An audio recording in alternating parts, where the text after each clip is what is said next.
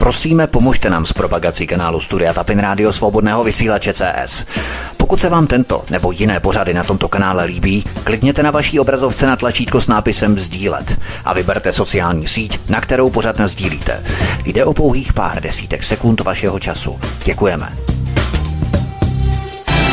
Příjemný, krásný, dobrý večer, dámy a pánové, milí posluchači od mikrofonu svobodného vysílače nebo na kanále Odisí vás zdraví vítek, vítejte při poslechu dnešního pořadu. Jsme velmi rádi, že jste si k nám našli cestu i dnes, protože v tomto pořadu dnes přivítám komentátora Tomáše Vyurala. Tomáši, vítej, hezký večer, ahoj.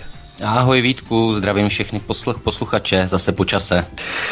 Na začátku ještě tohoto pořadu uvedu takové upozornění, že tento pořad je satirický, takže prosím nebrat úplně tak vážně všechno, o čem budeme hovořit nebo z čeho si budeme dělat legraci. Jde o satiru, prosím pěkně, ano, takže někdy je trošku cynický, sarkastický humor, tak pokud se někdo už předem bude cítit ublížený nebo ukřivděný, blondýni, cigáni, teplouši, uprchlíci nebo tchýně, tak to prosím radši vypněte. My tak eh, trochu se snažíme navázat, budeme chtít navázat na takový ten 90 humor ve stylu české sody. Jo.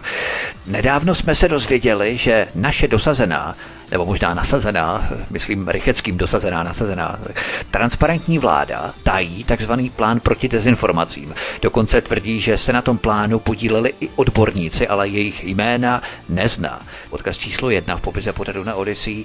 Asi si dokážeš tome představit eh, tu hordu dychtivých servilních aktivistických svazáků, jak tam stojí tu frontu na nové placené místo hlídačů pravdy a lásky, že? No, to Vítku opravdu dokážu. Já bych se ještě vrátil teda jenom k tvému odkazu na českou sodu. Bohužel bych dodal tak nějak, že navazujeme na humor české sody, který se do velké části již stává postupně realitou, že? Smutnou. No. Bych tak, tak jako řekl v mnohem. A, a co se týká toho, co jsi řekl ohledně onoho plánu proti dezinformacím, Uh, což není nic jiného než cenzura zase, to si budeme povídat, ačkoliv onen plán jsem popravdě nečetl, tak si dokážu představit, co, co v něm asi bude. Že on, on je tajný, je, on je tajný, on je tajný, takže Je tajný, ale myslím že, myslím, že jsem někde zaznamenal, že nějaká, nějaké médium už nějakou jeho část snad uh, vydalo nebo něco, nebo uveřejnilo, ale nejsem si teď jistý, jo, ale... Já vím, že o tom ale... hovořil předtím uh, Michal Klíma, který to propíchnul asi předem a oni mu to asi no. zazlívají a proto ho dali pryč a nasadili tam Tomáše Pojera. Tak no, tak, tak přes, přesně, tak, tak, tak nějak jako odsunuli, odsunuli někoho, někoho se zbavili zbavili, aby pro plebs udělali divadlo, že vlastně, že vlastně toho zlého cenzora se zbavili, ale nejásal bych, protože jednoho cenzora nahradí jiný, takže a kdo ví, zda ne ještě horší. Jinak teda k těm svazákům samozřejmě, kteří na tom pracovali, tak i když neznáme žádná jména, tak je evidentní, že zase to budou zatím nějaké neziskovky určitě spojené s oním centrem proti no, pro centrem boje proti terorismu a hybridním hrozbám, nebo jak se to jmenuje, že určité neziskovky na něj, na tohle centrum napojené a můžeme si domýšlet, co za lidi tak nějak mohlo pracovat na tomhle cenzorním plánu. Za mě, myslím, že když řeknu jména jako Vrábel, Máca, Kartous, možná Janda, tak spousta posluchačů si pod těmihle jmény asi představí určité tváře a určité individua bezpáteřní a bezcharakterní a dal bych ruku do ohně za to, že někdo z nich se na tom určitě podílel, nebo minimálně lidé s těmito jmény zpřízněné. Zpříznění. Máš pravdu, protože ten plán vypracovalo nechválně známé Centrum proti terorismu a hybridním hrozbám CTHH a vnitro nebo úřad vlády prý nedisponují jmény z toho centra CTHH. Já si ale spíš myslím, že oni ta jména zveřejnit nechtějí po dohodě s nimi, protože ti lidé, co to mají na svědomí, se prostě bojí, že by jim sousedi a známí dali v první hospodě přes držku, jo? kdyby se dozvěděli, že oni v tom mají prsty. Karle, ty hajzle, ty nám chceš zavřít hubu a cenzurovat nás, ty totalitní šmejde, jo? a už by frčela rvačka místní, nějaká chirurgie by asi měla hodně práce s takovými svazáky, že? Takže spíš to si myslím, že oni se bojí zveřejnit ta jména právě kvůli tomu. A to může být taky samozřejmě jedna, jeden, jeden z důvodů, a nemusí to být samozřejmě ani obava z fyzického ataku, ale může to být obava z a, ataku slovního a písemného, protože jak víme, tak tihleti, tihleti svazáci a cenzoři a, a dobroserové no, umějí ostatní nálepkovat, nadávat jim a, a všemožně je odsuzovat a ostrakizovat, ale jakmile se někdo opře do nich, tak, tak vlastně mají jako první eh, hnědé v trenkách, že jo, jak víme. To je právě rozdíl mezi druhou světovou válkou, kdy tady byli ti práskači, že, kteří donášeli do těch eh, říšských úřadů, že tady v protektorátu Čechy a Morava, ale tak nějak jsme o nich věděli, eh, ti, co žili, tak o nich věděli samozřejmě, ale prostě věděli o nich. Jo. Fyzicky je museli nějakým způsobem zaznamenat tu trasu jejich, že oni jdou, hele, podívej, můžeme ho šmírovat, můžeme ho sledovat, on jde na ten úřad, na ten říšský úřad, protektorátní úřad, donášet tam, co tam asi jde dělat. Ale ten internet právě přinesl ten fenomén anonymity, to znamená, on se nám může klidně tlemit do očí, bezlstně naprosto a my to vůbec nepoznáme, kdo je ten práskač, že? Takže to je právě to nebezpečí teď. Tak přesně stačí stisk jednoho tlačítka na Facebooku, že jo, nebo na Twitteru, nebo já nevím kde, kde všude to funguje, dáte nahlásit a a váš kolega, známý, neznámý, přítel, nepřítel je nahlášený a nemusíte v zásadě sám osobně nic, nic řešit, nikde, nikde se nechat vidět, že jo. Ano, takhle to je, bohužel je to ještě horší, nebo postupně se to stává ještě horším, než to bylo možná dříve. No. Uvidíme kam. Mě zaráží, kam eh, ty všechny pijavice, které režim pasoval na odborníky, prostě jenom proto, že se názorově shodují s vládou nebo s vládním establishmentem, tak eh, tyhle všechny pijavice se rochňají v penězích, co vybírají zdaní nás všech vymýšlí, jak nám zavřít ústa a ještě to před námi tají. Myslíš, že se dnes postupuje podle klíče čím více demokracie, tím více utajování? To je taková ta moderní medicína teď po covidu. No vy, vypadá to tak, Vítku, vypadá to tak, jak říkali naše babičky, co je, co je šeptem, to je čertem. A, a vidíme, že, že čím dál víc je toho šeptem. A je vidět, že současný režim zřejmě začíná mít taky jisté obavy Eh, ze své, ze své budoucnosti, protože čím, čím víc to začíná tajit a čím víc začíná cenzurovat a, a ostrakizovat, tak eh, evidentně si není jistý v kramflecích, což může být eh, tak trochu dobrá zpráva i pro nás, nebo i skříčka dobré zprávy pro nás, kteří opravdu smýšlíme demokraticky a jsme pro svobodu projevu, svobodu samozřejmě v rámci, v rámci zákonných mantinelů, že jo taková ta svazácká pionýrská jiskřička pro nás, taková ta pozitivní. Ale, uh, Spíš úřad, dezolácká, řekl. Dezolácká, jo, to je taky pravda. Ale ten úřad vlády tvrdí, že, a teď pozor, veřejnost by nebyla schopná interpretovat názory vyslovené v tomto akčním plánu proti dezinformaci. To se mi hrozně líbí. Prostě ty bláboli a servilní prorežimní keci by veřejnost jistě i hned odhalila, vysmála by se tomu. Jo? A oni mají Čechy úplně za totální blbce a hlupáky, kteří by ani nedokázali správně interpretovat interpretovat názory těchto pijavic. Na, naopak, na, naopak, Vítku, oni, oni, oni, oni je nemají za blbce, naopak se jich bojí, protože, by, by, protože ví, že by Češi si to naopak interpretovali v zásadě správně. My umíme Spra- právě řádky, to, pre, Přesně, právě, že by si to interpretovali tak, jak to je myšleno, a ne tak, jak je nám to předkládáno. Oni nám to předkládají samozřejmě jako zájem většího dobra, zájem dobra pro nás, zájem dobra pro národní bezpečnost určitě. A tyhle ty keci neustále a mantry, ale lidé umí číst mezi řádky a dokáží si dát dvě a dvě dohromady. Mě by fakt zajímaly ty vyslovené názory takzvaných odborníků, ale kdybychom mohli tak trochu předpojímat, tak jako bych to četl, svoboda je otroctví, nevědomost je síla, válka je mír. V podstatě oni by tam mohli kopipásnout celého Orvela a nemuseli by se pachtit s nějakým předstíráním, že jsou odborníci a vypracovávat nějaké rozsáhlé akční plány a tak dál, což jim paští možná pár pomatené pravdolásky a tak oni by tam mohli skopírovat celého toho Orvela a nemuseli by se vůbec tím psát, že? Přesně, přesně, teď oni to, podle mě to tak de facto i dělají, akorát, akorát nahradí pár, pár pojmů z Orwella pojmy novodobými, že jo, nějakými jako dezinformace, hoaxy a podobně a, a pak to tam je copy-paste. Mimochodem, když jsme toho Orvela, tak eh, nějaký dolejší, co si říká novinář, já o něm teda vůbec eh, ještě neslyšel, tak on se nechal slyšet, že prý mír je kódové slovo pro fandění Kremlu. Slyšel jsi o tom?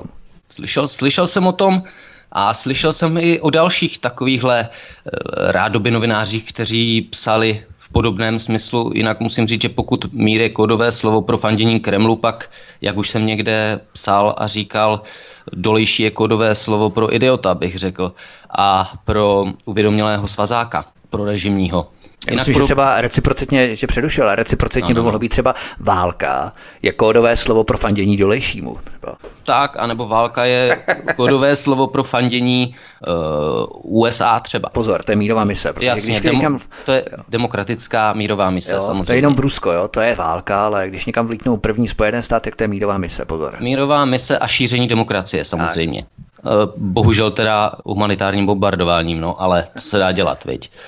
No ještě bych k tomu dolejšímu připojil další tyhle ty uvědomělé Orvelovce a Goebbelsovce, protože Eh, o mírových štváčích, dřív v úzovkách, to je terminus technicus jejich, novinářský mírový štváči, psali dříve Honzejk, Fendrich a Šídlo, což jsou zase vidíme ti pravověrní prorežimní svazáci, Honzejk že jo, z, z hospodářek, Fendrich z aktuálně, takže bakaloviny a Šídlo ze seznamu, což eh, není bakala, kdo tam je. To má ten, co má, víme. Já se Ale... radši nevyznám. No, buď rád, že se tomu nevyznáš, ale to je, to je jedno, prostě pravověrná prorežimní uvědomila média a typičtí prestituti, že jo, takže tak. Nejen, že je naše zločinecká vláda nadržená na cenzuru, ale samozřejmě Evropská unie jak by smet. Evropská komise uvedla, že Twitter v posledních šesti měsících zaostával v boji proti dezinformacím za společnostmi jako Google, Meta, TikTok a vyzvala sociální síť, aby se přizpůsobila. Odkaz číslo dva v popise pořadu na Odyssey. Takže jinými slovy, masku, ty málo cenzuruješ, kamaráde, tak se koukej polepšit. To je Evropská komise, to je poselství nebo signál Evropské komise směrem do Ameriky.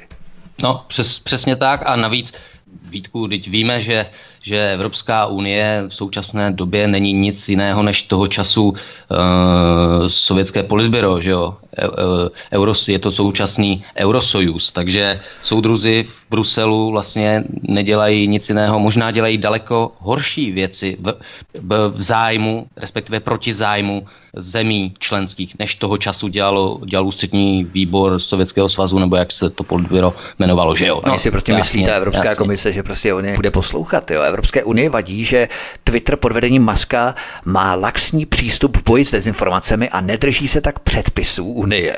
Mě naprosto ohromuje, co si ti šmejdi v Bruselu myslí, že Musk v Americe, který má nějaký Brusel úplně v paži někde, jo, tak před nimi v Kalifornii poklekne a bude se před nimi plazit a poslušně bude vykonávat jejich příkazy. To je fakt sebranka arrogantních diktátorů, co si myslí, že když si dupnou, tak je bude snad poslouchat celý svět, nebo já nevím, oni přece nemají žádnou pravomoc.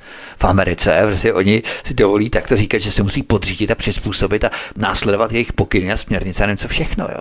Souhlas, to, tohle je ten napoleonský komplex, o kterém tak často rádi mluví třeba ve spojení právě s Putinem, nebo spolu napoleonský komplex bruselských nikým nevolených eh, politruků a bafuňářů. Eh, ještě bych teda dodal, že by mě zajímalo, jakými metrikami měří ono zaostávání v boji proti dezinformacím. Jo, to je vždycky strašně důležité říct teda, jaká je ta metrika, co jsou ty dezinformace, eh, jak teda Facebook a nevím, další sítě proti němu lépe bojují, jestli to znamená, že bylo více do nahlášených, více smazaných příspěvků, více smazaných příspěvků proti, uh, proti ruské, čínské a běloruské straně, dejme tomu, jo, nebo nevím, jaká je tam metrika, nebo kdo určuje to, co je ta dezinformace a to, jaký ten boj proti těm dezinformacím je úspěšnější, významnější, silnější, četnější.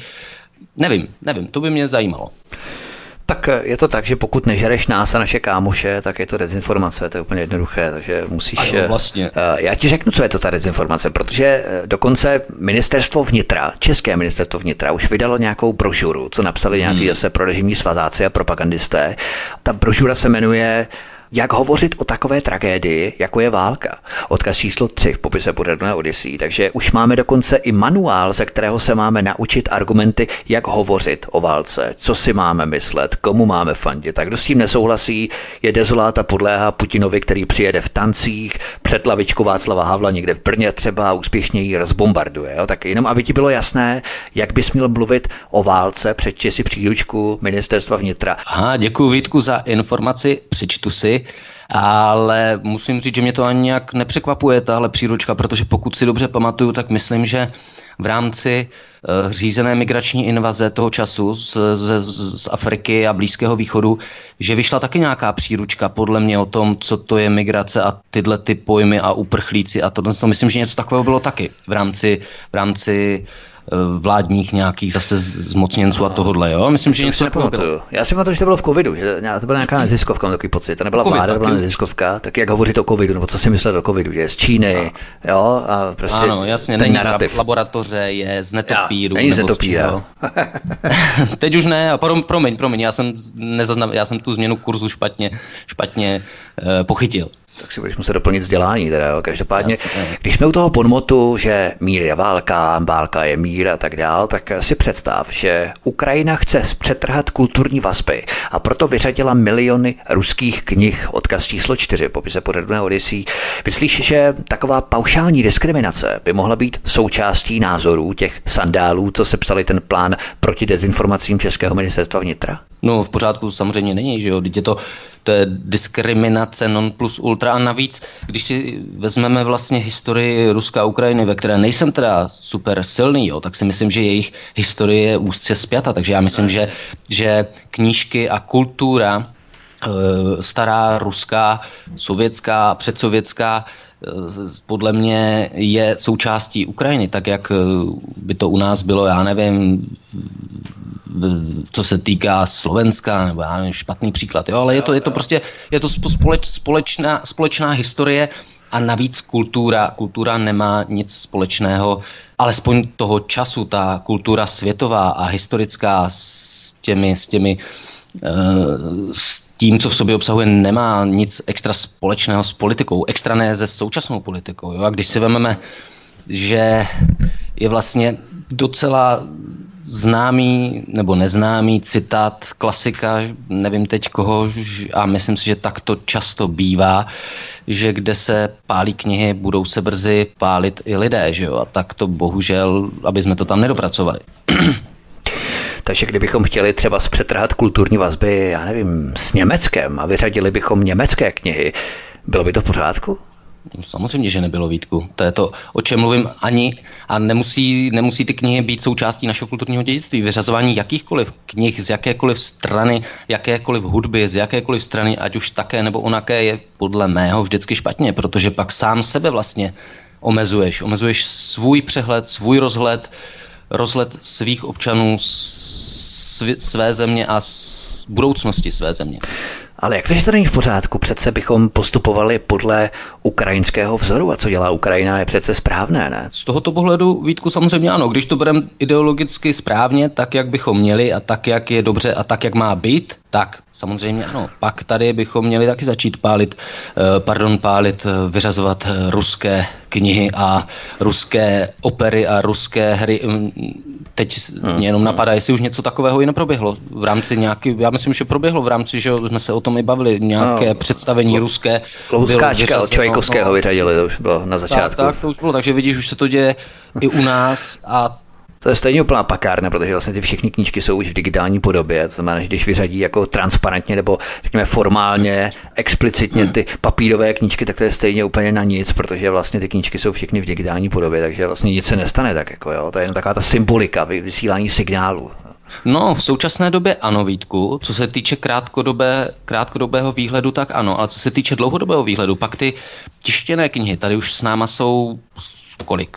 Stovky let. Od Gutenberga. No, tištěné knihy tady jsou s námi, s námi už léta a léta, drží ty informace a tu moudrost v sobě.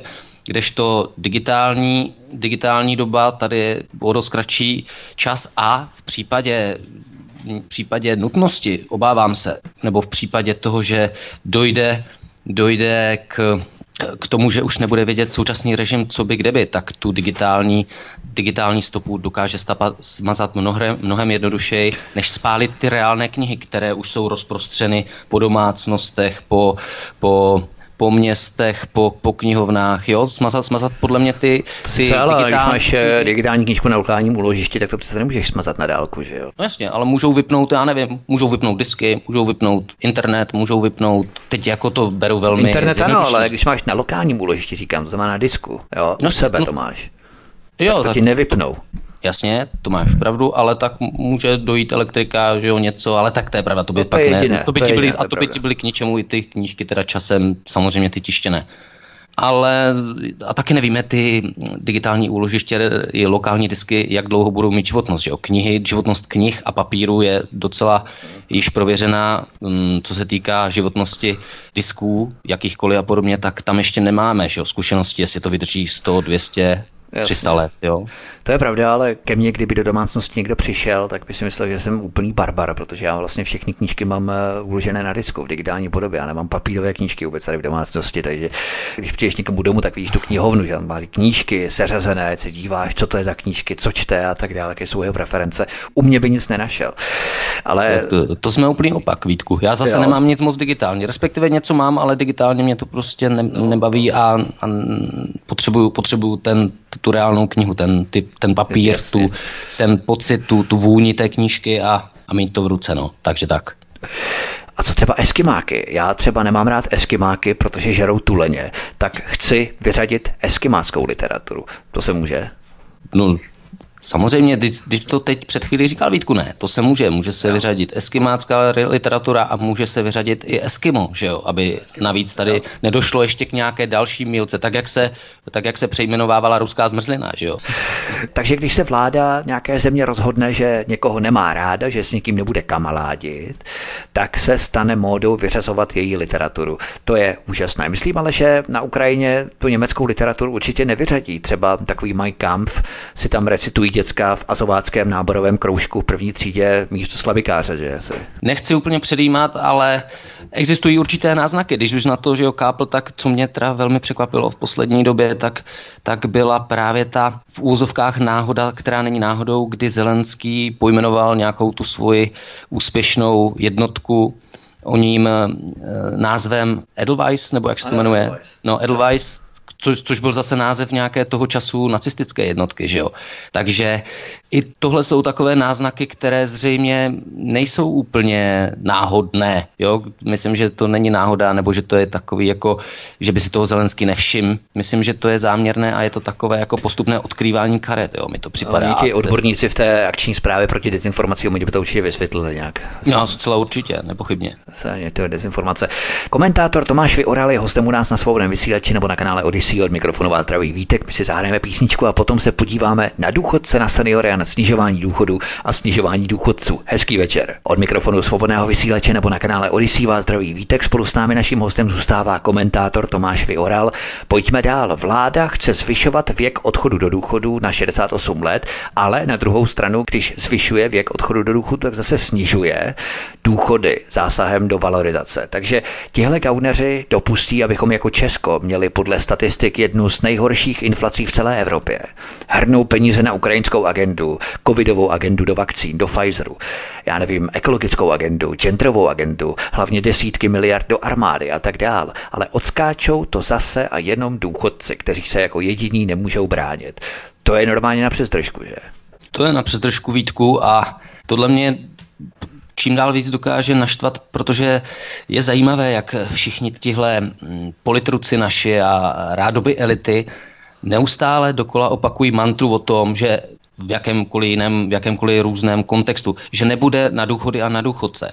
Jo, ale nikdo z nich, neslyšel jsem, že by kdokoliv z nich někdy řekl, že nebude na, na dávky pro Nemakačenka, že nebude na dávky pro Ukrajince, že nebude Eh, že nebudou finance na neziskovky a spol. Ne, prostě peníze nebudou pro důchodce, pro občany, kteří tady drtivá většina z nich poctivě pracovali a odváděli daně eh, státu. Pro tyhle peníze nebude, ale pro Nemakačenka, pro parazity z neziskovek, pro Eh, ukrajinské příživníky, čest výjimkám, samozřejmě, jo, tam je to nějak rozprostřeno, samozřejmě to není všechno. Já to slyšel a... na novou Ukrajince. Ty Ukrajince úplně v pohodě, jo, tady byly s náma, že jo, no, ne, let úplně v pohodě, a ty novou Ukrajince, jo, to musíme odlišovat. Novou no. Ukrajinci a samozřejmě taky to nejsou všichni, jo, ale a samozřejmě není to, z velké části to není problém a není to chyba těch Ukrajinců, že tady jdou, jo. Chyba je té vlády a těch našich bafuňářů a politruků, kteří to dovolí, kteří jim sami nabídnou, jo, dostanete tady pět tisíc měsíčně, ubytování, ubytování, šacení, já nevím, jídlo, všechno.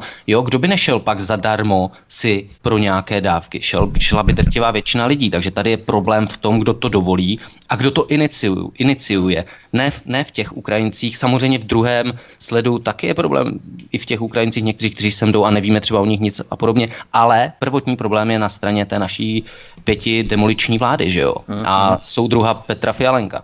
Já bych se jenom přimlouval o něk neziskovek, tak abychom říkali parazité z politických neziskovek, protože z neziskovek to jsou většinou fajn lidi, kteří samozřejmě nedosáhnou na ty dotace a dělají ohromné věci a úžasné věci v rámci pomoci lidem a tak dále v nouzi, dětem, já nevím, seniorům, postiženým a tak dále, tak to, to jsou prostě úžasní lidi, ale ty politické neziskovky jim to všechno schlamstnou, 90% a na ně, nebo jim potom nezbývají žádné peníze na tu jejich úžasnou činnost, kterou oni dělají.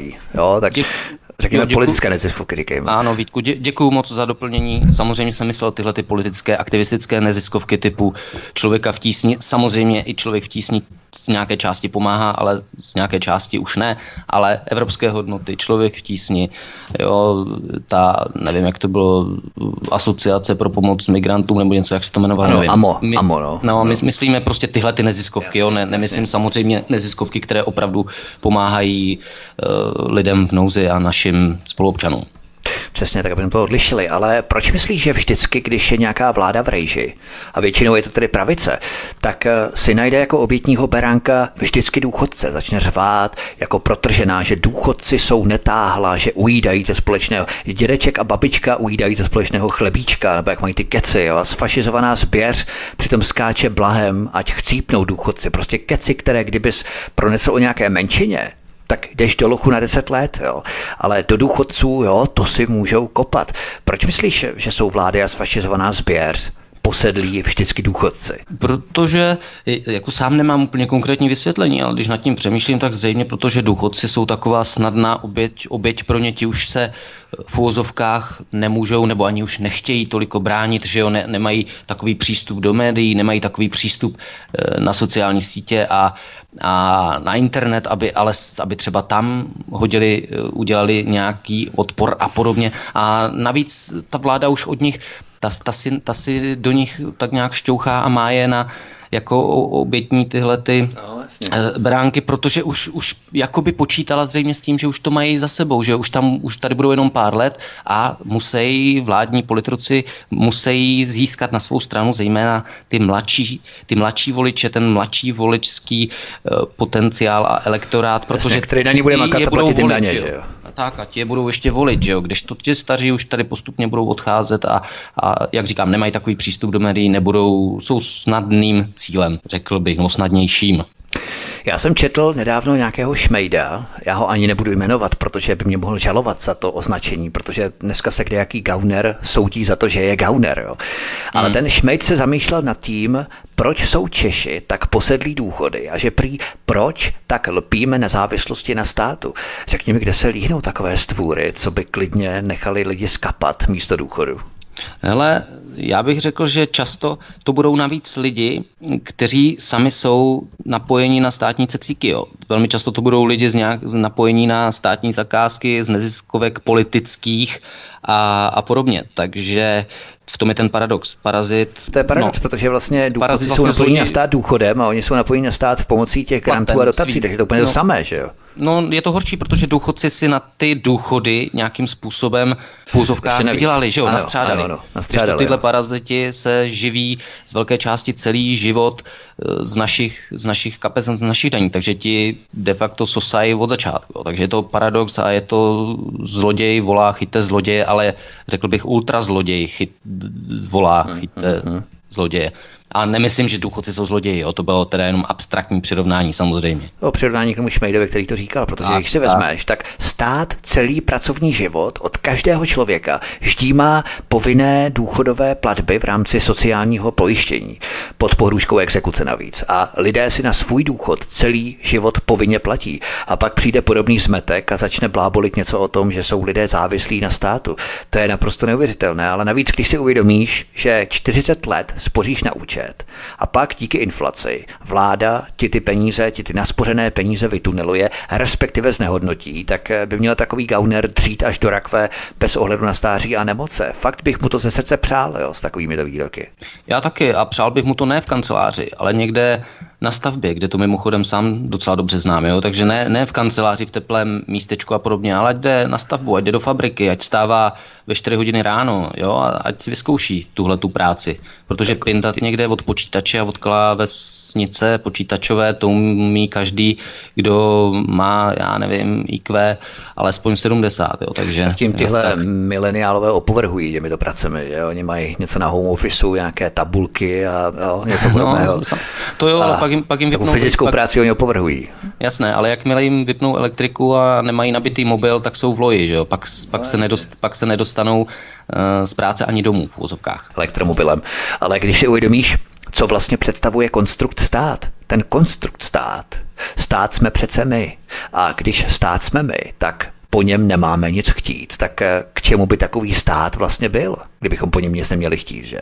Tak, jako souhlas, souhlas. No. Sam, sam, samozřejmě, e, jo, my bychom po něm nemuseli chtít teda ty peníze na důchod, ale jak říkáš, my je povinně musíme státu odvádět během celé své pracovní kariéry, během, své, během svého zaměstnání. Takže potom jako není, není co řešit. A navíc, e, navíc e, zbrojit proti důchodcům v, v době, kdy už jsou v důchodu, vlastně, že dopředu jim nikdo neřekl, vy nebudete mít důchody, vy budete mít důchod takhle malý a takhle malý, ale najednou teď střih a teď se starejte, měli jste si spořit dřív, měli jste si investovat dřív, měli jste si e, zajistit nějaké jiné příjmy dřív to prostě nejde takhle, hmm. šmahem. Jasně, oni by chtěli, aby si lidé platili své pojištění komplet, aby si platili úplně všechno, aby si platili školné, aby si platili úplně všechno. Něco jako v Americe, jo. Vlastně, když studuješ vysokou no, školu nebo nějakou college, jo, tak musíš platit, zadlužíš se na půl života, jo. Něco podobného jako s pojištěním, zdravotním pojištěním, důchodovým pojištěním, všechno vlastně musíš platit, ale potom v finále zjistíš, že celý život platíš a ten systém tě má vlastně uvázaného jako psa u boudy.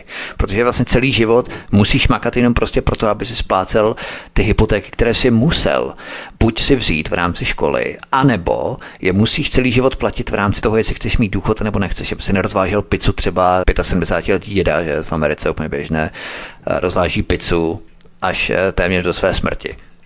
Jasně, a jak, jak jsi zmínil přesně to zadlužení naše, tak eh, my máme, ve škole nás učí, že tehdy a tehdy bylo zrušeno otroctví, jo, a bla, bla, bla. Samozřejmě, jo, bylo, tak nějak formálně. To ekonomické ale, otroctví. Ano, ale když si uvědomíme, co je současné zadlužování a zadlužení nás všech, tak co je to jiného než novodobé otroctví. Takže tady to pořád funguje, jenom se změnily nějaké, nějaká forma se změnila, ale obsah zůstává stejný. Pořád jsme otroci, závislí a samozřejmě je tady zájem největší nás uvázat a e, udělat nás závislé co nejvíc. Ano, formou těch našich, to našeho zadlužení a půjček a podobně. A to eskaloval samozřejmě onen, onen, ona hysterie covidová a hra na covid. Teď to zase eskaluje ukrajinská ukrajinská, ukrajinsko-ruská válka, takže jde o to samozřejmě pořád nás co nejvíc mm, udělat závislými na státu, protože když budeme na státu, na bankách, na korporacích velkých, protože když budeme závislí,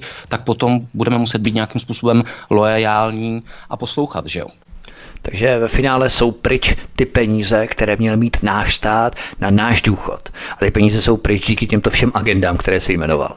Ano, asi, asi tak. A na tyhle agendy, a když ještě připočteme samozřejmě tu jakože ekologickou agendu, protože to samozřejmě nemá zase s ekologií nic moc společného, jo. zase jde jenom o to, o čem jsme se bavili před chvílí, o tu závislost, o tu likvidaci soukromého vlastnictví a zase je, je to jenom neobolševismus nový. Jo. Takže v rámci těchto těch agent jakože zelené agendy k koronavirové, ukrajinské, jo, můžeme si najít toho času eh, migrantské, můžeme jít kamkoliv zpátky a vždycky něco najdeme, tak jde jenom o to přesně zbavit nás našich svobod, našeho majetku a našeho vlastnictví. Jo.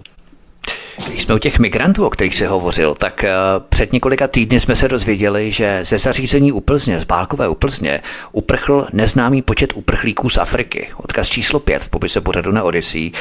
To mě vysvětli, jak tam mohl někdo takový uprchnout, když do nás 8 let vládní propaganda hustí, že tu přece žádní nejsou, tak kdo tam mohl uprchnout? To je nějaká chiméra. Hele Vítku, to, to se neptej mě, já, já, já tohle to nikdy neříkal, to je potřeba zavolat panu, já nevím, Rakušanovi, nebo kdo tam byl před ním a, a poptat se, jak to, teda, jak to teda je. Nicméně na tomhle, eh, na téhle kauze bylo i zajímavé, že v původním článku, jak říkáš, právě utekl neznámý počet migrantů, což později oni to nějak jako upravili, jo, ale původní článek byl takovýhle a je teda zajímavé, že ani zřejmě je v tom zařízení ty migranty, kteří tady teda žádní nejsou, především ze severní Afriky, kde taky, pokud vím, není žádná válka, tak je neměli ani spočítané, že jo? Nebo alespoň tak to z toho trochu vyplývalo jo, nebo, nebo je neuměli dopočítat, nevím, buď je neměli spočítané na začátku, nebo je neuměli dopočítat, to což je druhá, vědět, druhá kolik varianta. uteklo, jo, oni věděli, kolik jich uteklo, to znamená neznámý počet, přesně tak, jak říkáš. Takže, no, takže já nevím, nějak tomu nerozumím, ale je vidět, že, že už prostě zase se ty, ty informace občas tak jako tady jenom myhnou a nikoho to už nezajímá, to, že nám předtím říkali, že tady žádní nejsou, že tady a tohle to, tak teď už to zase nikoho nezajímá, tak jak když Primula, že jo, nedávno zase v rámci covidu přišel s tím, že nakonec asi jo, asi teda ten covid bude z laboratoře, tak už to zase nikoho moc, všechny ty prestituty, kteří předtím, předtím řvali po lidech, kteří se, se odvážili mít jiný než e, pro režimní a pro vládní názor, tak po nich řvali, ostrakizovali je, tak teď, když přijde Primula s tím, jo, tak ten covid vlastně asi je z laborat, laborky, tak nic. Stejně jako teď, jo, utekl tady teda počet, neznámý počet migrantů ze severní Afriky, tak to jako tak vyšumí, hodí se ta zpráva a nikdo nic. No, takže... Jasně, to byl ten americký výbor, který vyslýchal Anthony Fauciho taky o tom, že vlastně ten vir, na kterém on spolupracoval v rámci s těmi Číňany, že v rámci toho Wuhanu ten virus byl také z laboratoře, oni ho kolem toho vyslýchali, bylo to dokonce i na Prima CNN News, mám mm-hmm. pocit, tam pracoval, že předtím tam to přímo bylo i v té reportáži a taky někoho nezajímá, úplně všechno v pohodě. No. Takže nejenom Primula, ale i Anthony Fauci. Jasný, jde, jde se dál, víš co, covid, covid, který ta, kterým tady strašili dva roky nebo jak dlouho, nemohl se skoro výjít ven, jo, musel být opíchaný, opíchaný ze všech stran a do všech otvorů, tak najednou střih, střih je tady ukrajinsko-ruská válka, Rus, Rusko, Rusko je Hitler a nacisti, jo, jak říká ta naše vládní linka a prorežimní linka a covid najednou zmizel. Já teda opakuju dokola, že Putinovi by měli dát uh, Nobelovu cenu za to, že, že, na, že nás zbavil covidu. Jo. Ten by měl dostat řád Zemanův, že nás zbavil covidu a ne onen Primula, který tady e, dělal různé harakiry a dostal ocenění zase jenom za, nějak, za nějakou no, no. předchozí nebo budoucí agendu, kterou měl plnit. Víš, já se ale obávám, že oni budou chtít nabodat ve finále zvířata a to bude děsný průser, protože v okamžiku, kdy oni napíchají zvířata a my je potom jíme, to znamená, že se ty vakcíny a ta látka, experimentální látka z těch vakcín dostane do našeho těla, ať chceme nebo nechceme. Protože ta zvířata my vlastně konzumujeme. To znamená, že když oni přišli na to, že když napíchají ta zvířata, tak to bude teda průšvih. Jo. Tyjo, to, jsem, to jsem ani nezaznamenal, Vítku. Už, už s tím někde vylezli, jo, s tímhle. Už, já jsem to někde četl, teď, teď nemám zase zdroj, na tohle to nemám zdroj, jo, tak jasně, eh, jasně. nevím. Ale četl jsem právě, že oni budou chtít, nebo zvažuje se jedna z variant právě, že by napíchali zvířata právě proto, aby to do těch lidí dostali. Jo. Hele, logiku to, logiku to dává a bohužel jo. je to teda hodně děsivé a myslím si, že reálné. Jako přesně je potřeba vždycky hledat další cesty, teda oni hledají, že jo, různé cesty, ať už, ať už kdo ví, jak je to s oním, já nevím, jak se tomu říká, aerobním nebo očkováním, nebo jak se tomu říká, ten, to očkování, které se přesně přenáší přes vzduch, přesně jsou, jsou věci, věci a technologie, o kterých my nemáme ani páru a které jsou třeba o 20 let, že jo, ty, které jsou ve vojenském prostoru a, a podobně, tak jsou 20 let třeba. Jo. Dávám příklad eh, před tím, před námi, jo, před tím, co nám je zveřejněno. Postupně se ty informace uvolňují že jo, s nějakým spožděním o těch nových technologiích a spol, takže kdo ví, jestli už nejsme my, drtivá většina z nás třeba naočkovaná i tím přenosem vzduchem, jo, a přesně, jak mluvíš o těch zvířatech, dává to zase logiku. Další cesta, jak to do nás dostat, do nás neposlušných, kteří se nepodvolili, no. Ještě abychom dokončili ty migranty z té Plzně, tak uh, oni vlastně na ně uspořádali hon mm-hmm. a už je skoro všechny ulovili, eh, pardon, pochytali, mm-hmm. ale, ale zase koho měli chytat, když tu žádní nejsou? Já tomu vážně pořád nerozumím. Jo? Takže ten, co ještě utíkal, tak to byl, ten byl prý z Maroka, ještě jsem zaznamenal. Ti afričtí uprchlíci musí být ale hodně naštvaní vlastně, když vidí těch tři čtvrtě milionů novoukrajinců, kteří nemusí procházet žádnými záchytnými nebo asilovými centry, než je vypustí do společnosti jsou vysmátí, zatímco ti afričtí jsou zadržovaní v takových zařízeních. To je asi velké to... rozčarování, že? když vidíte Ukrajince, kteří tady poflakují úplně v pohodě a oni musí být v těch zařízeních.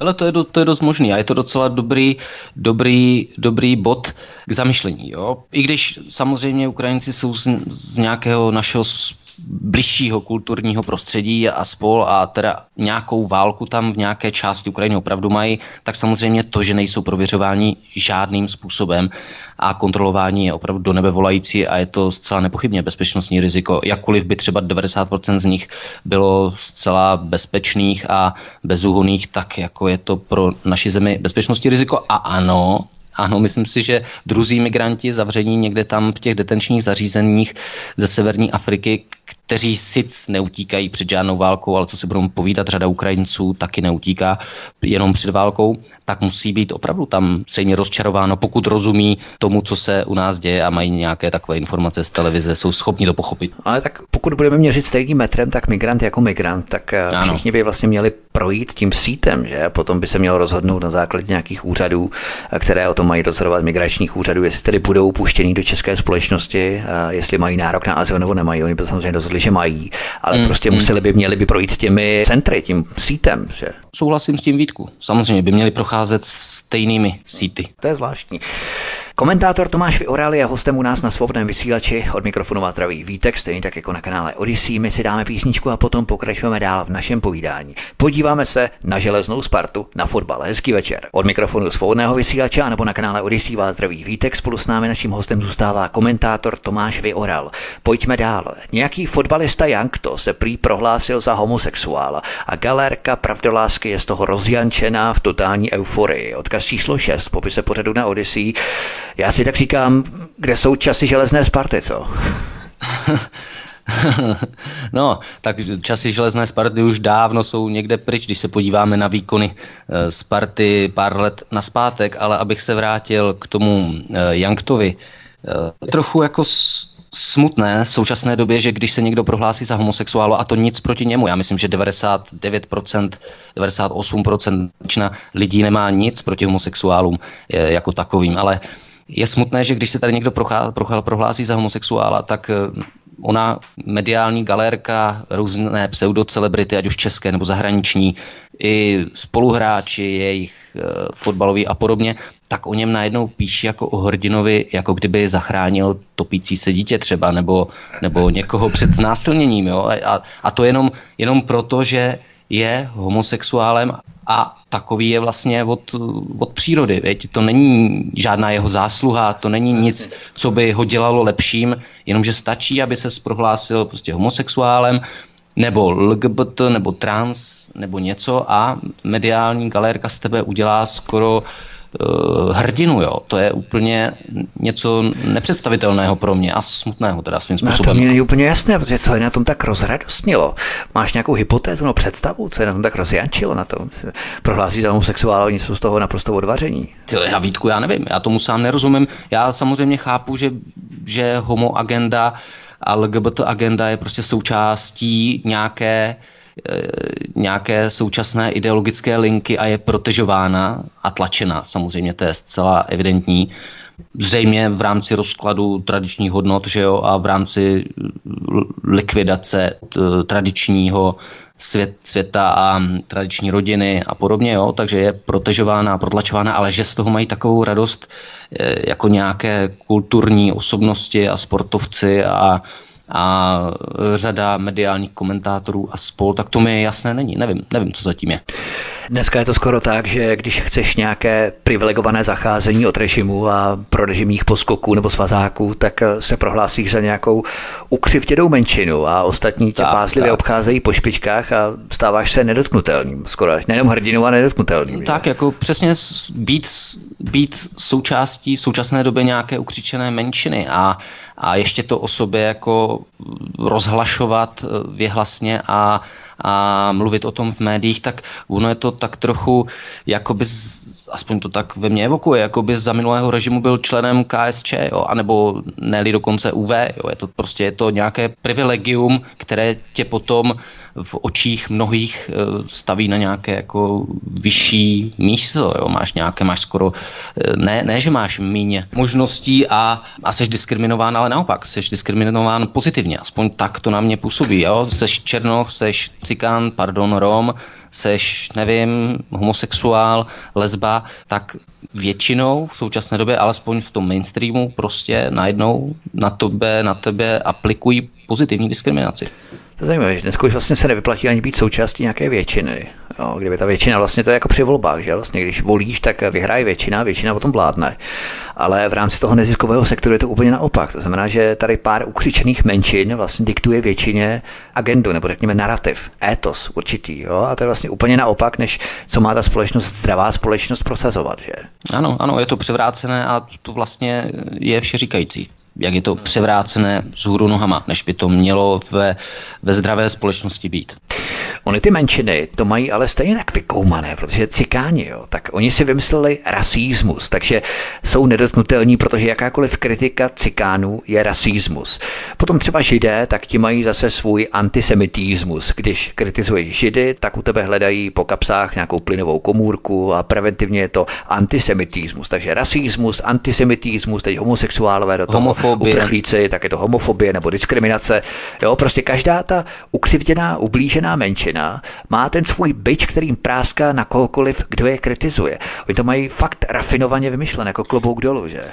Rozhodně, ale je zapotřebí říct, že možná to ani nevymysleli oni sami, vymyslel to za ně někdo jiný, ať už média nebo někdo, ale samozřejmě oni sami se tím jenom nevohánějí, protože to by jim bylo zřejmě předplatné, kdyby v zádech neměli právě, jak říkám, třeba mediální main, mainstream, politický mainstream a spol. Jo. V zádech mají vždycky někoho mocnějšího, který jim vlastně ten byč prodlužuje do faktu, že Black Lives Matter v Americe, tak eh, tam byly vlastně bílí mileniálové, že a ty vlastně to vedli, ty tam práskali tím bičem, že to nebyli a, černoši. Přesně, přesně, přesně, vždycky prostě za sebou mají někoho, kdo to za ně, za ně tlačí tu agendu a, ještě víc, a. nebo kdo to rozeštvává, kdo to, kdo to posiluje. A čas, často musíme dodat, že často třeba řada příslušníků té menšiny za to ani nemůže, jo. To je Přesně tak, protože já samozřejmě chápu, že lidi dnes dokážou být svině, že lidi dělají na schvály nebo jsou hnusní, jakmile se dozvědí, že se něčím lišíš, prostě, že nejsi součástí takového toho běžného stáda, to nejen v sexuální orientaci, ale cokoliv úplně. Jo. Ostatně my jako alternativa to pocitujeme také v rámci sfašizované masy podléhající sugerované propagandě, ale mě je v podstatě úplně šumák, jestli je někdo bukvice. Mě prostě jenom ohromuje ta politizace, privilegizace a glorifikace glorifikace té homosexuality. To myslím, že je ten problém. Jo, s tím souhlasím a to jsem taky na začátku zmiňoval. Nemůžou za to menšiny sami o sobě, v zásadě může za to ta nekritická adorace a podpora mediálního a politického mainstreamu. A ještě bych jenom teda poukázal na to, že si narazil na zajímavou menšinu, která protežována mediálně ani mainstreamově není a to jsme my na alternativě. To je jedna z mála menšin, která, která opravdu je tou mainstreamovou politickou většinou prostě drcená a sešroubovávána a diskriminována. To je pravda. Není menšina jako menšina. Tak. To je fakt, to je fakt. Já měl třeba kámoše, o kterém jsem asi dva roky nevěděl, že byl teplouš a vůbec mi to nevadilo. Mě to ani nevadilo ani předtím, ani potom, co jsem se to dozvěděl. Jo? Prostě jsem to vědět nepotřeboval a je to pro mě úplně normální borec, se kterým si toho mám co říct, možná ještě víc, než paradoxně, než s hromadou heterosexuálů, co jsou vymetení propagandou. Jo? Mě vůbec nevadí ten klíč sexuální preference, ani by mě nenapadlo nějak dělit ty lidi podle klíče, ale tím, že oni o tom pořád kecají a chtějí si vydobývat nějaké speciální postavení, šetrné privilegované zacházení, že politizují to téma, že kolem toho pořádají nějaké militaristické pochody, Prague Pride, jak vylezou na ten pědestál s bojovným pohledem a zahřmí já jsem gay a kdo je víc. To myslím, že většinu popouzí něm. To by si měli uvědomit vlastně i ty příslušníci té menšiny celkově a měli by nějak ukáznit, těch pár křiklounů, kteří jim dělají tu špatnou reklamu. Jo, to znarazil na, na samozřejmě důležitou věc a akorát, eh, hele, to je stejný, to je stejný vlastně jak, jak s námi, co se týče té ukřičené menšiny. Jo? Ta ukřičená mediální menšina řve taky něco, co drtivá většina prostě s čím nesouhlasí a takhle je to i v té, i v té menšině sexuální. Takže přesně ona drtivá většina té menšiny zřejmě je s tímhle taky na štíru a není, není jako příznivcem nějakých Prague Prideů a takovýchhle s prominutím nechutností, kdy se v nějakých, v nějakých podivných eh, nevkusných maskách promenádují eh, po, po náměstích a, a pohoršují, doslova do písmene, pohoršují okolí, jo? tak já myslím, drtivá většina té menšiny taky s tím letím nesouhlasí a je těžko ukáznit tu ukřičenou, protežovanou menšinu. A ještě bych dodal, jak si říkal, s, tí, s tou s tím, že ti přesně je ti jedno, kdo, kdo s kým spí, tak, tak to je jako mě a nám obecně je jedno, s kým spíš, koho volíš, to je důležité. Vol si koho chceš, spí si s kým, s kým chceš, důležité je jaký jsi a o tom to je a mělo by být vždycky a ve všem. Jo, je jedno, s kým spíš, koho volíš, důležité je jaký jsi. Možná třeba TOP 09 a stan budou chtít zavést něco jako korespondenční soulož. Třeba když mají korespondenční volby, tak eh, v rámci toho budou chtít zavést jako korespondenční soulož, ne? No, všechno je možné, všechno je možné, v těchto hlavách je možné všechno. No. A mož, možná, možná, kdyby to zavedli dřív, tak by si ušetřil eh, spousty problémů třeba pan Ferry, kdyby jenom korespondenčně si tam někde no, no, vyskočil. Tak s tím Dominikem Ferry, jak teď probíhá ten soud s ním, že ohledně znásilňování těch holek, které v České republice, tak eh, ten soudce, jak mu vyhrožoval, já vás zavřu, až z toho zčernáte. Ale pozor, pozor, já jsem teď na vás koukal a vy jste vlastně už zavřený byl, že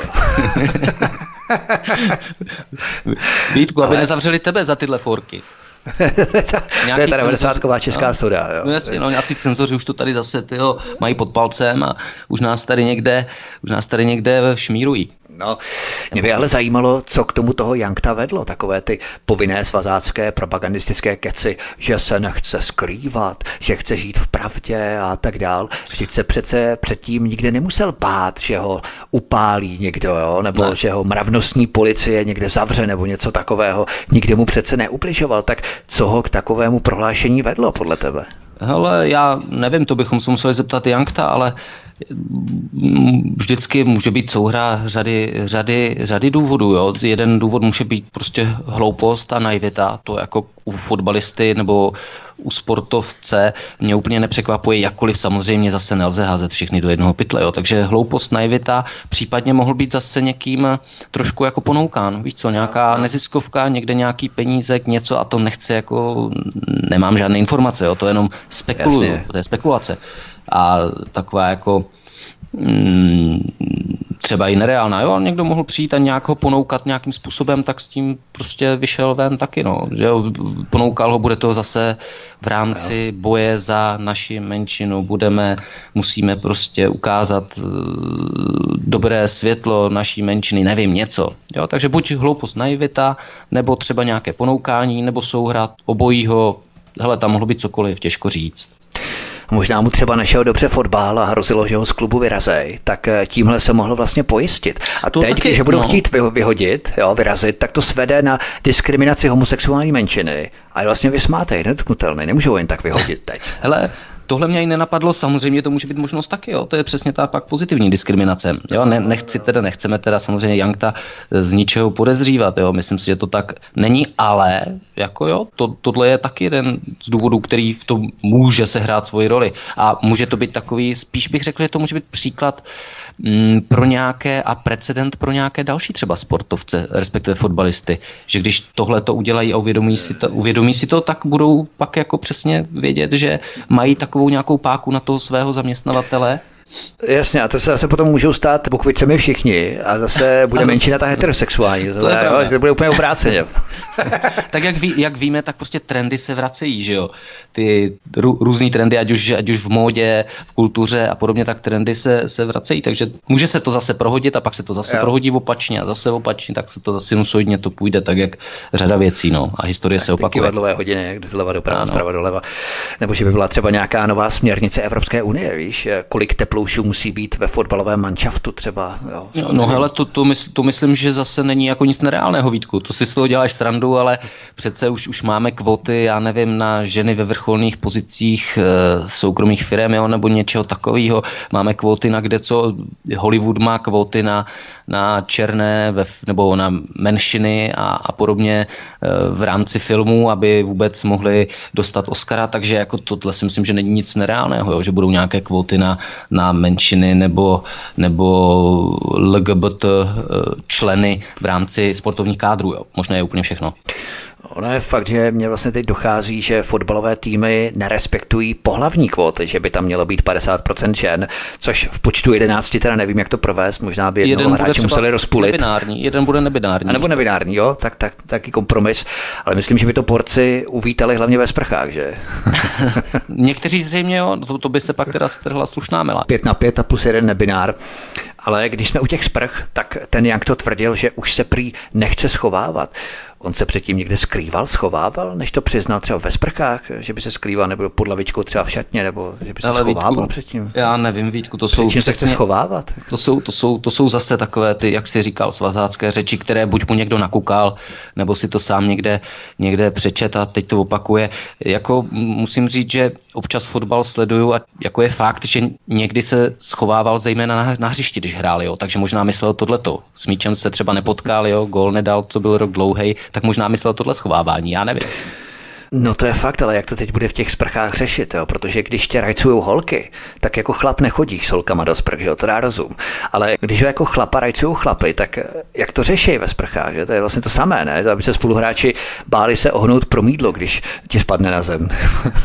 Hele, nevím, nech, nechme, to, nechme to na nich, teď je to jejich boj. Teď se budou zřejmě schovávat spoluhráči třeba, jo, já nevím tak musí na náklady mužstva vyhotovit třeba oddělenou sprchu, víš, tak to mají asi bafuňáři radost, nebo chodí třeba do té sprchy jako první sám a po něm až ty ostatní. Eh, ono v tom sportu, když to teď ze všeobecňuje, no v tom sportu eh, je to úplně ujeté, protože není to tak dávno, co se před utkáním poklekávalo před Černochy, pak se odhalovalo rameno z počty podanců od Pfizeru, teď je v módě zase odhalovat své sexuální preference. Já se ale ptám, k čemu to je, když se za Mičudou honí 11 frajerů, tak je úplně jedno přece, kdo je Bukvice, Cikána, nebo z Papuji Nový Gvineji, nebo z Burkina Faso, je úplně jedno, prostě mě zajímá, jestli dá gol, jestli dobře hraje. A tady tyhle ty věci, kdo má kolik Pfizerů, kdo si klekne před nějakým Černochem, nebo kdo je sexuální orientace, tak je to úplně jedno. To máš pravdu a je to jedno samozřejmě drtivé většině konzumentů sportovních eh, přenosů a sportu, že jo, ale co si budeme povídat? A ty to víš moc dobře, sport není jenom sport, sport je a jak živa byl, ač nám říkají, že ne, i politickou a ideologickou záležitostí, že jo, takže skrze sport do nás tlačí tak jak, tak jak skrze kulturu, tak jak skrze školství, tak jak skrze skrze marketing a, a produkty, které kupujeme, tak do nás prostě tlačí současnou agendu a žádoucí ideologii, že jo? co si budeme povídat. Jako když vzpomeneme i na uh, toho času dvoje olympijské hry, letní a zimní v jedné zemi během jednoho cyklu, které se odehrály, tak kde byly naposledy? V nacistickém Německu, že jo? Za, za podpory, za podpory a bez problémů eh, ostatních zemí, jo? Takže Jo, sport prostě je, byl a bude politika, ať, nám říkají, že ne. A někdy větší, někdy menší. A samozřejmě, že do toho politickou agendu cpou ti, co to platí, organizují, tak to je jedna věc a bohužel tak to je od jak živa, že se té politické agendě propůjčují i samotní hráči tím svým poklekáváním ve jménu jakéhokoliv dobra, ať už je to dobro píchací, dobro černé, dobro ukrajinské, dobro jakékoliv, tak to už je za mě horší věc, jo, protože fotbalisti, mm. sportovci by měli hlavně hrát a dělat ten svůj, no, svůj sport, pro který je sledujeme, tak jako gladiátoři, ale prostě politika v tom je, no, no. co si budeme povídat. No právě, já se už obávám, že ve sportu už nerozhoduje sportovní výkon, ale rozhodují sexuální preference, rozhoduje počet bodanců od Pfizeru, rozhoduje klekání před Černochy, nebo že si plivnou na ideologicky správného nepřítele, ideálně tedy na Rusy. A jakoby tohle bylo ve sportu to hlavní. Jo. Už není hlavní ta hra, jo, ale hlavní vůči čemu se ten hráč vymezí, nebo s kým kámoší zrovna a tak dále. Tak řekl jsi, jo, souhlas, souhlas eh, ty jsi řekl, že ve sportu ještě už nerozhodují goly a to ty, ty pořád zatím ještě rozhodují. Hra a goly pořád rozhodují, ale jak jsi říkal, to, co je v současné době možná na tom sportu důležitější a tlačeno do popředí, je přesně to, kdo má kolik bodanců, k čemu se hlásí a podobně. To je tam no, no, no. nejslyšitelnější a v médiích pak často viditelnější než samotný výsledek toho zápasu, který je samou podstatou sportu, že jo? Takže ano, máš pravdu, do popředí se dere zase ideologie a politika Přesně, a do pozadí no. výsledky, samotné výsledky sportu a výkony hráčů. Přesně tak, protože už se primárně nehovoří o tom, jak ten člověk hraje, kolik dal gólů, jakou má techniku, nebo kolik měl asistencí, přihrávek. Ne, dnes se hovoří o tom, jestli je Bukvice, nebo jestli se správně distancuje od Rusů, nebo kolik se nechá nabodat Pfizerů. To je důležité, ale mě stejně dnešní fotbalisti přijdou jako nagelované primadony, co se producují na trávníku. Jeden je Bukvice, druhý transvestit, třetí dostane průjem, ale radši hospitalizují hned, jo, a ještě vykluče nějaký prachy, větší balík z pojišťovny, ale ten drill a zápal, makat na dřeň, aby byli fakt nejlepší, aby vyhráli pohár a třeba i nějakou mezinárodní ligu, to jako by vymizelo pod nánosem té svinské propagandy, která prostupuje úplně vším teď. Ano, ustupuje to, ale není se Vítku moc čemu divit, protože zase to odráží pouze a jen vývoj naší společnosti a, a nás samotné. Že jo? Všimni si, jak vypadá mladší a mladší generace, k čemu vzhlíží, jak se chová, co dělá a vlastně ten odraz je všude, je v tom sportu. U těch fotbalistů to je nejzřetelnější, že pro mnohé je důležitější dobře vypadat a vonět a, t- a tvářit se, než podat to nejlepší, co v sobě má, jo? nebo aspoň hmm. to tak u některých opravdu vypadá a u fotbalistů je to opravdu nejzřetelnější. Jo? Samozřejmě zase nelze, nelze to házet všechny do jednoho pytle a zobecňovat, jo? ale prostě je to tam viditelné. No a myslím, že je to odraz prostě současné společnosti zase. A tady vidíš, jak tu sexualitu cpou a hustěj do těch mileniálů už od malinka. Děti ve školce už si hrajou na to, že kluk bude holčička, vezme si sukínku, jemu se to líbí, teď si hraje s panenkama kluk, jo, to je nechutný. A tohle vlastně totálně rozkymácí to genderové pohlavní ukotvení už od dětí. A ti jsou potom rozháraní pak už celý život a vznikají pak eh, různý fluidové, průtokové, nebo jak se říká, pohlaví, pro které je prostě to pohlaví nebo sexuální preference důležitější než fotbalové výsledky hry. Jo. Kdyby řekl, hej, já jsem dal 20 gólů, já jsem fakt dobrý, ale to ne, to nikoho nezajímá, to není důležité. Nevíme, kolik dal gólů, ale hlavně víme, že Sparta, Sparta, to je ale Parta, no já nevím, mm, to je přesně. Mm, to jo, jo, tak, tak nějak, no. no.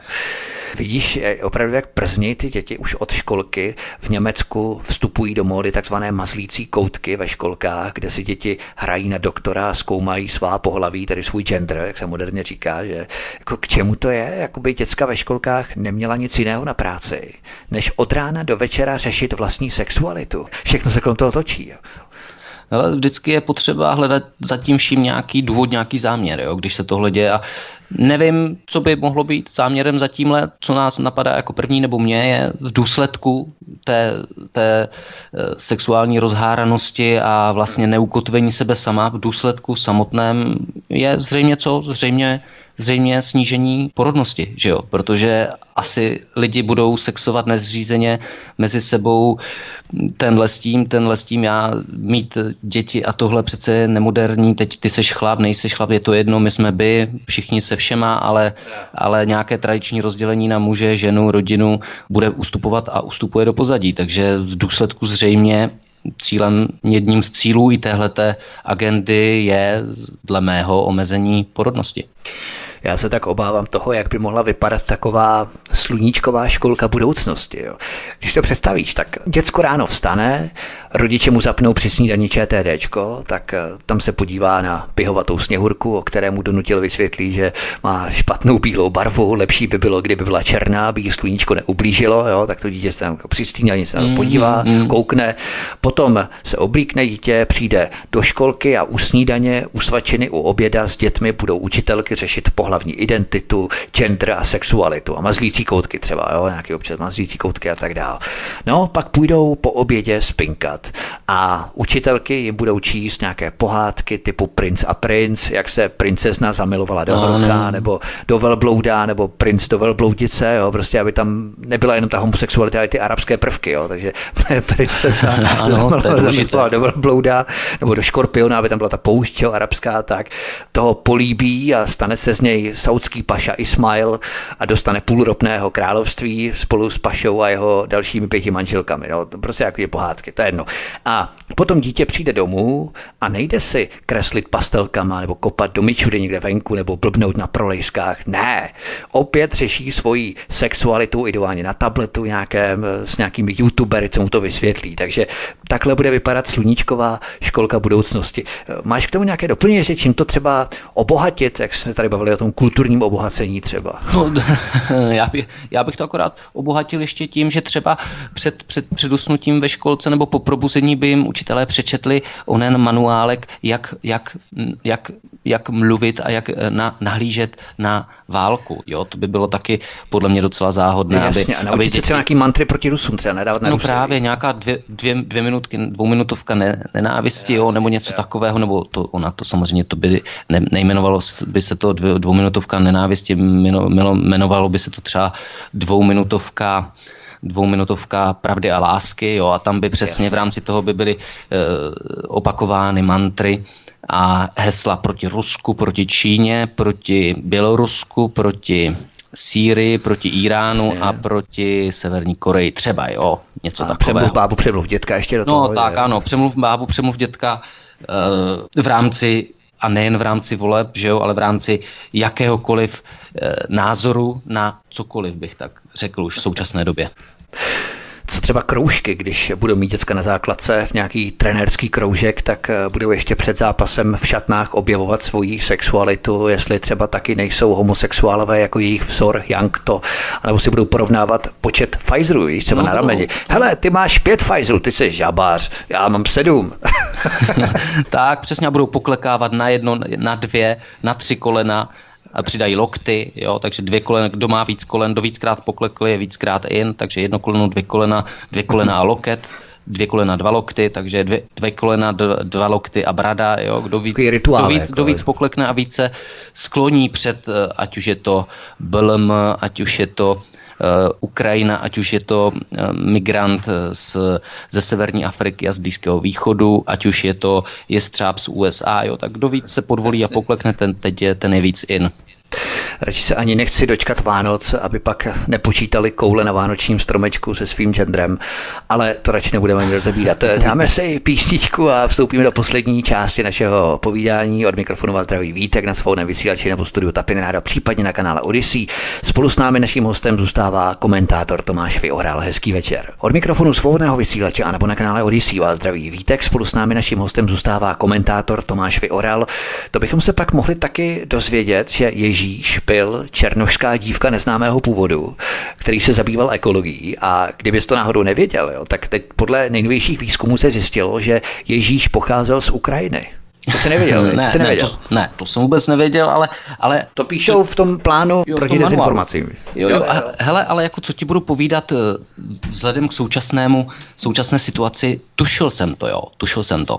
Tvé tušení se ukázalo realitou. Mimochodem, když jsme u toho Ježíše, tak jsem zaznamenal informaci, jak se děkan koleje Trinity College na univerzitě v Cambridge zastal nějakého kolegy, který tvrdil, že Ježíš by mohl být trans člověk.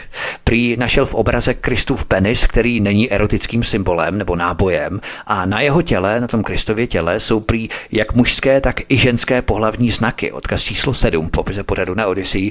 Tak je fakt neuvěřitelné, jak se ta propaganda a ideologie ohýbá až do takových souvislostí, že? Mm, to jako může napadnout. Jako. No napadnou to, napadne je všechno, že jo, soudruhy napadne vždycky všechno a je potřeba rozklížit eh, všechno.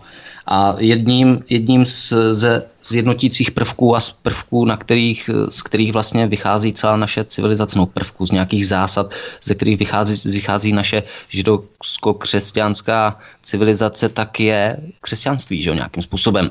Takže je potřeba nabourat a zpropagandizovat i, i tenhle, tohleto nějaké ukotvení. Jo. A teď můžeme si o křesťanství a o církvích a podobně myslet cokoliv. Jo. To je jedno to nebo to, já si taky o tom myslím svý, ale je tady evidentní zájem rozložit i tohleto, protože já jsem proto, aby se spochybňovalo prakticky všechno, jo, nějakým vědeckým způsobem nebo nějakým eh, kritickým myšlením je potřeba pochybovat a je potřeba diskutovat o všem, o všem možném a ne, nepřijímat všechno jako nekriticky. Jo. Ale když to zase vidíme tady, jak tahle ta věc Ježíšem trans trans Ježíšem Kristem souvisí s tou současnou agendou a s tou agitkou a protežováním zase té trans agendy, tak jako je to až do nebe volající se vším respektem, teda, abych se nerouhal.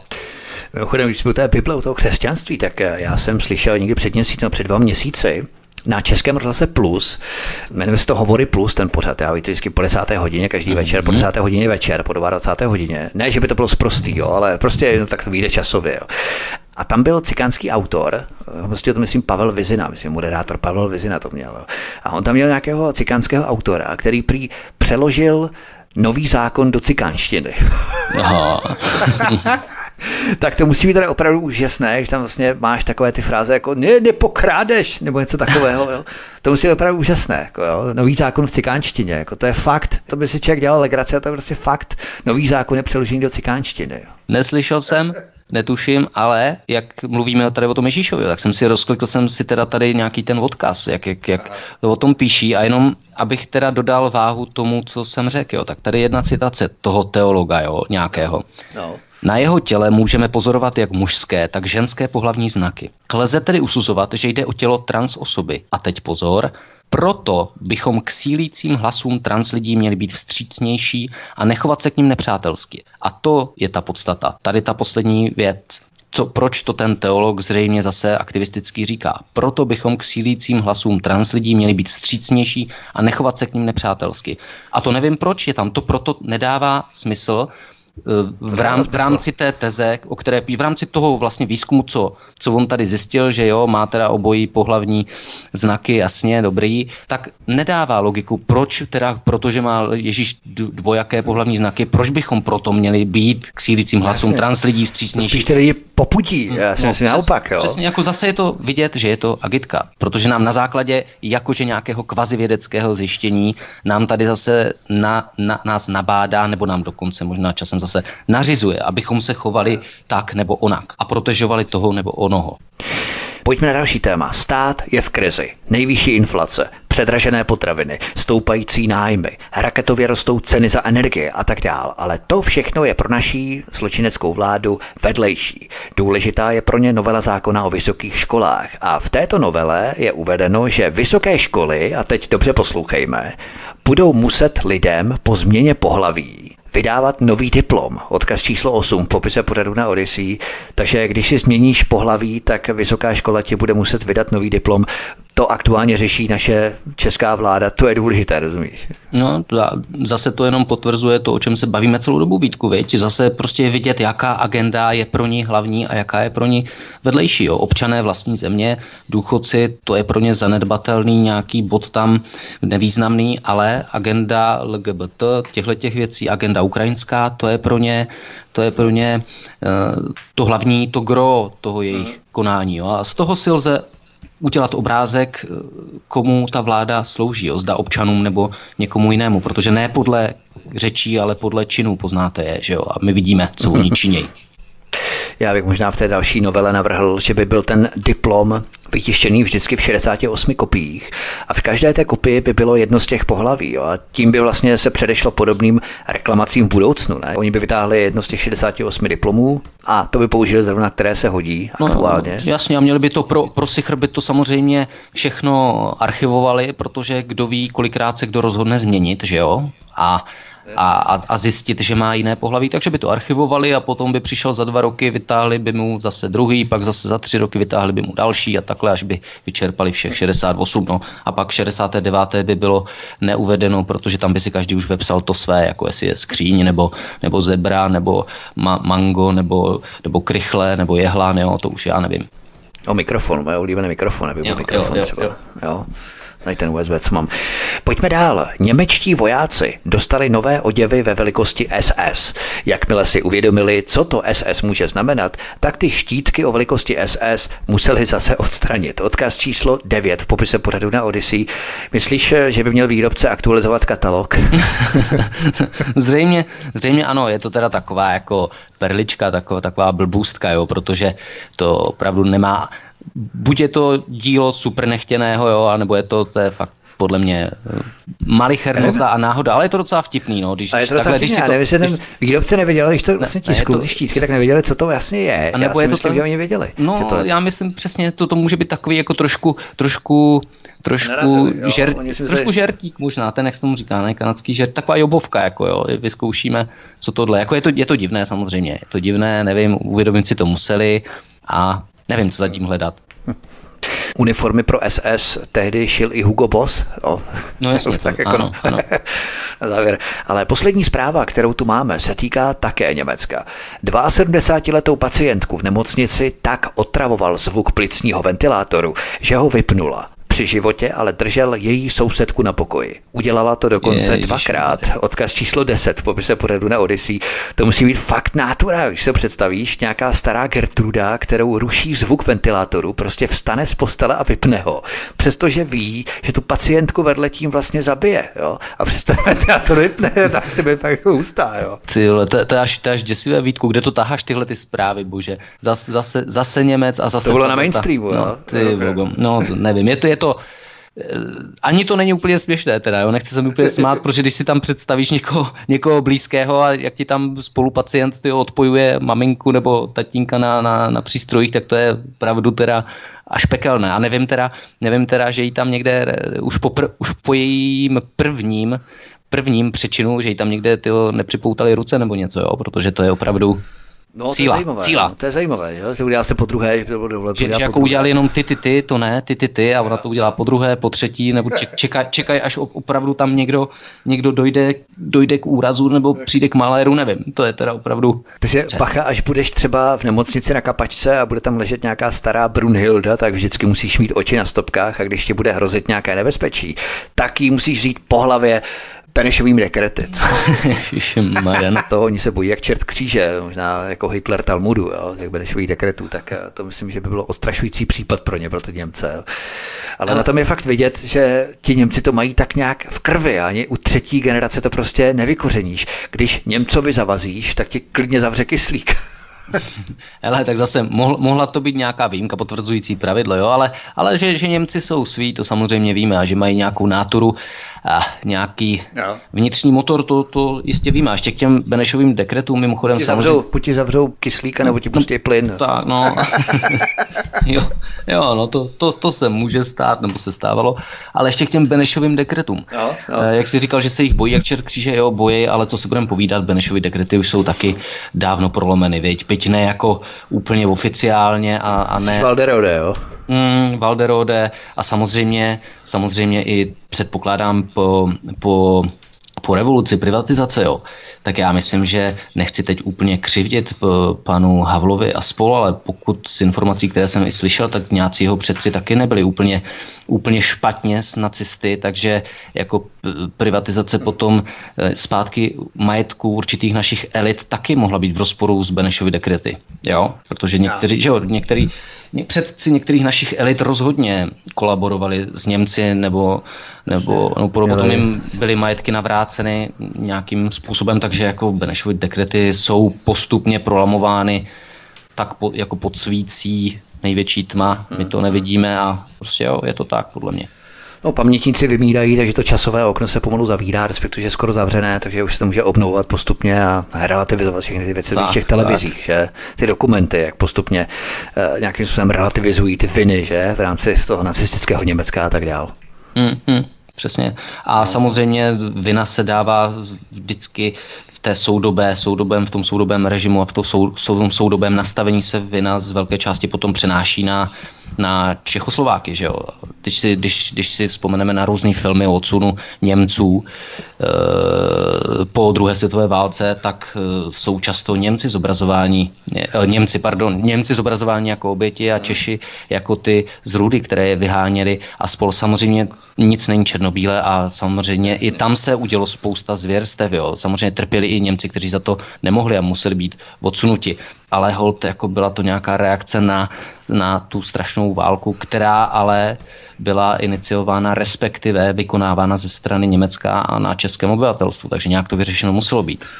Samozřejmě, protože Konrad Henlein, vůdce těch sudeťáků, že tady v Československu ještě tehdy, ten vlastně byl naprosto prohitlerovský a právě když se konaly poslední volby ještě před druhou světovou válkou, tak ho volilo, teď to nemám přesně, 89,57% sudeckých Němců v Československu tak volilo Konráda Henleina. Takže to už je vše vypovídající, jakým způsobem se vlastně ubírala mm, ta komunita. Jo. Co si budeme, není o čem. Jo.